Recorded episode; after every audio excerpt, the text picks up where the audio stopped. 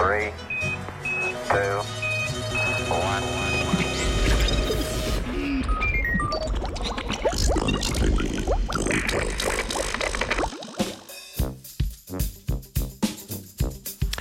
A ja, dobro jutro. Demoni in fizika.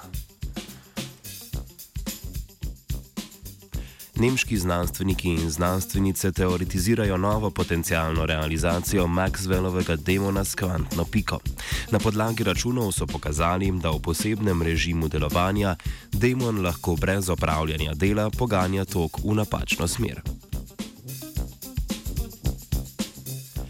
Gedanken eksperiment demona buri duhove že od leta 1871, ko se je z njim ukvarjal škotski fizik James Clerk Maxwell.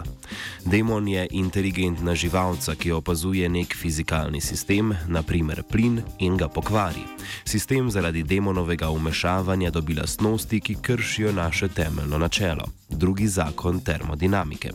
Maxwellova originalna poanta je bila, da je treba tedanja načela še enkrat premisliti misliti.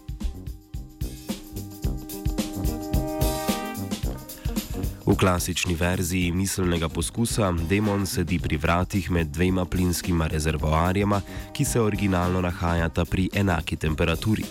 Ko se delec oziroma ko delec plina prileti do vrat, mu demon izmeri hitrost.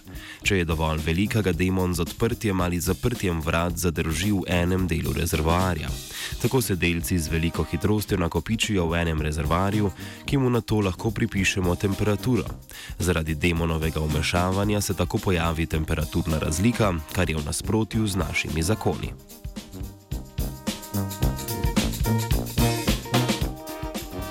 Misel na demona je v času od Maxwella navdihovala mnogo znanstvenikov in znanstvenic za poskuse izdelave naprave, ki bi se obnašala kot demon.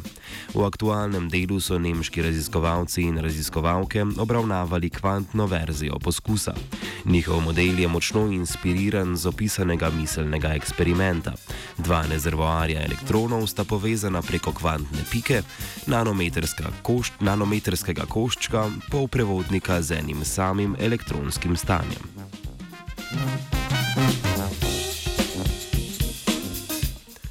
Kvantno piko z dvema priključkoma so opisali z modelom Fana in Andersona, zasedenost stan pa so numerično računali v schemi dinamičnega coarse graininga. Opazovana količina je bila električni tok skozi kvantno piko.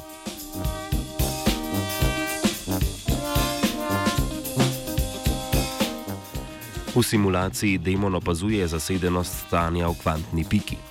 Glede, glede na rezultat priredi verjetnosti, da se zgodi izmenjava delca, delca z enim rezervarjem ali drugim. Tako je zmožen poganjati tok v nasprotno smer napetosti.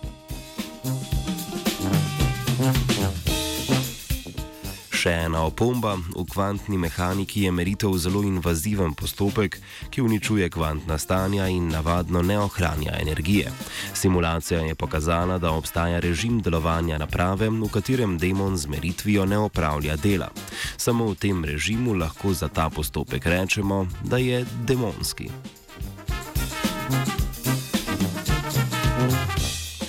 Avtori in avtorice raziskave zaključujejo z opombo, da čeprav gre v delu za računalniško simulacijo, znamo podobne naprave narediti tudi za res. Edina neznanka je izdelava vezja, ki bi znal sproti ob meritvah spreminjati verjetnostne amplitude.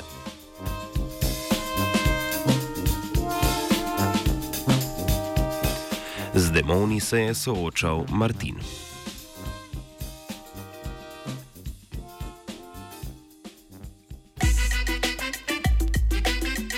Poslušate Radio Student. Na frekvencah 89,3 MHz UKV v stereo mehaniki.